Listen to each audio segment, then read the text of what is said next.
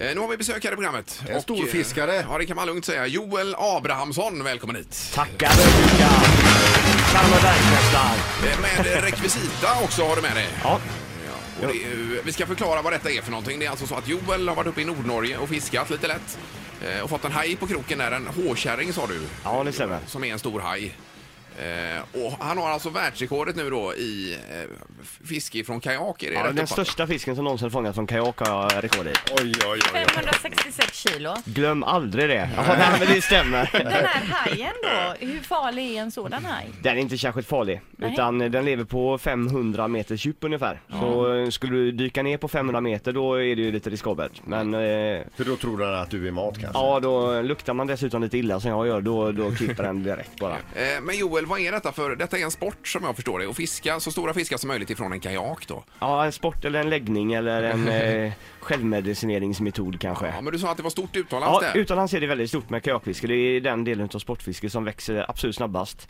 Och ehm, utomlands så fångar de jättestora fiskar, men vi i Sverige har varit ganska långt efter. Ja, okej. Men, vad är grejen med det där då? Att, eh, Det är nog att man ska få, eh, få lite eh, en känsla av rädsla. Ja, adrenalinkick. Ja, jo men det är ju det det handlar om. Man vill vara rädd eh, en liten stund. Det Men hur är, började du med det då? ehm, det är ju som eh, eh, vilket beroende som helst. Det är liksom, eh, man börjar någonstans och så bara blir det värre och Men värre. började du fiska liksom torsk eller? Nej, jag började med mört hemma i sjön Mjörn. Och så eh, blev det liksom abborre och sen blev det gädda och sen så blev det metfiskar och sen så blev det till Hårkärring. slut, till slut hårkärring. Ja. Ja. Men du, får jag bara fråga, i, i, eh, i, bland de som sysslar med det här och det här är, eh, och folk som är intresserade av sportfiske, hur stort är det här? Har det blivit en världsnyhet detta?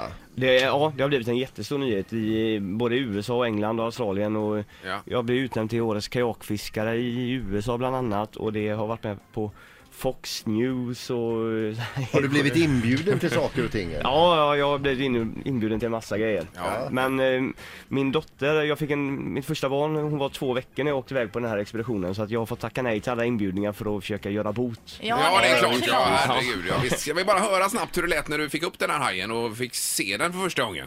Det är ett klipp här med, med Joel.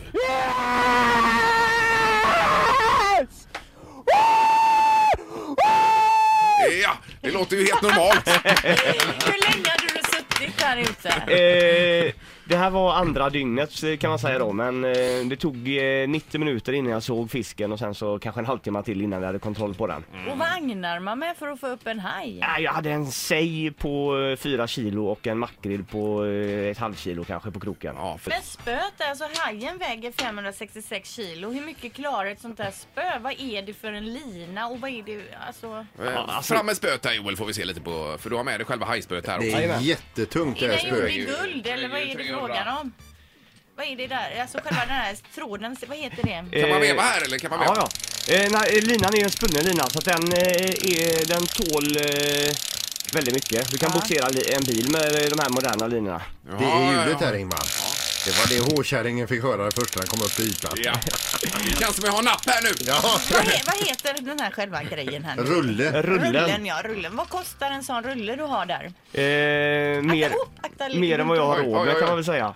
Drar Det börjar in man komma ner. blixtar och grejer. Belysningen här med Eh, den spöet. kostar ungefär 10 000. Åh herregud. Oj, Oj, oj, oj. Och- ungefär. Och spöet i sig då? Eh, spöet eh, fick jag en polare i USA bygga för eh, en tusenlapp. Ja. Så det är byggt av lite återvunna grejer och så. Och här är 500 meters lina på den här då? Nej, det är 960 meter. Ja, för hur mycket lina hade du ute när hårkärringen nappade? 509 meter, exakt. Får ni ta det. Hur mycket? 509 meter. Hur kan du Alltså veta det, det är så exakt? sjukt. Hur jobbigt är det att veva upp en hårkärring? Alltså det finns inget roligt med det, det är bara... Eh, det känns som att eh, när det här fightingbältet stramas åt så... Alltså bukfläsket såg ju ut som en kasslerulle på mig efteråt och eh, ja, man fick ju i princip svälja ner eh, njurarna kändes det som. Men, men alltså, återigen, vikten på hårkärringen som du fick upp.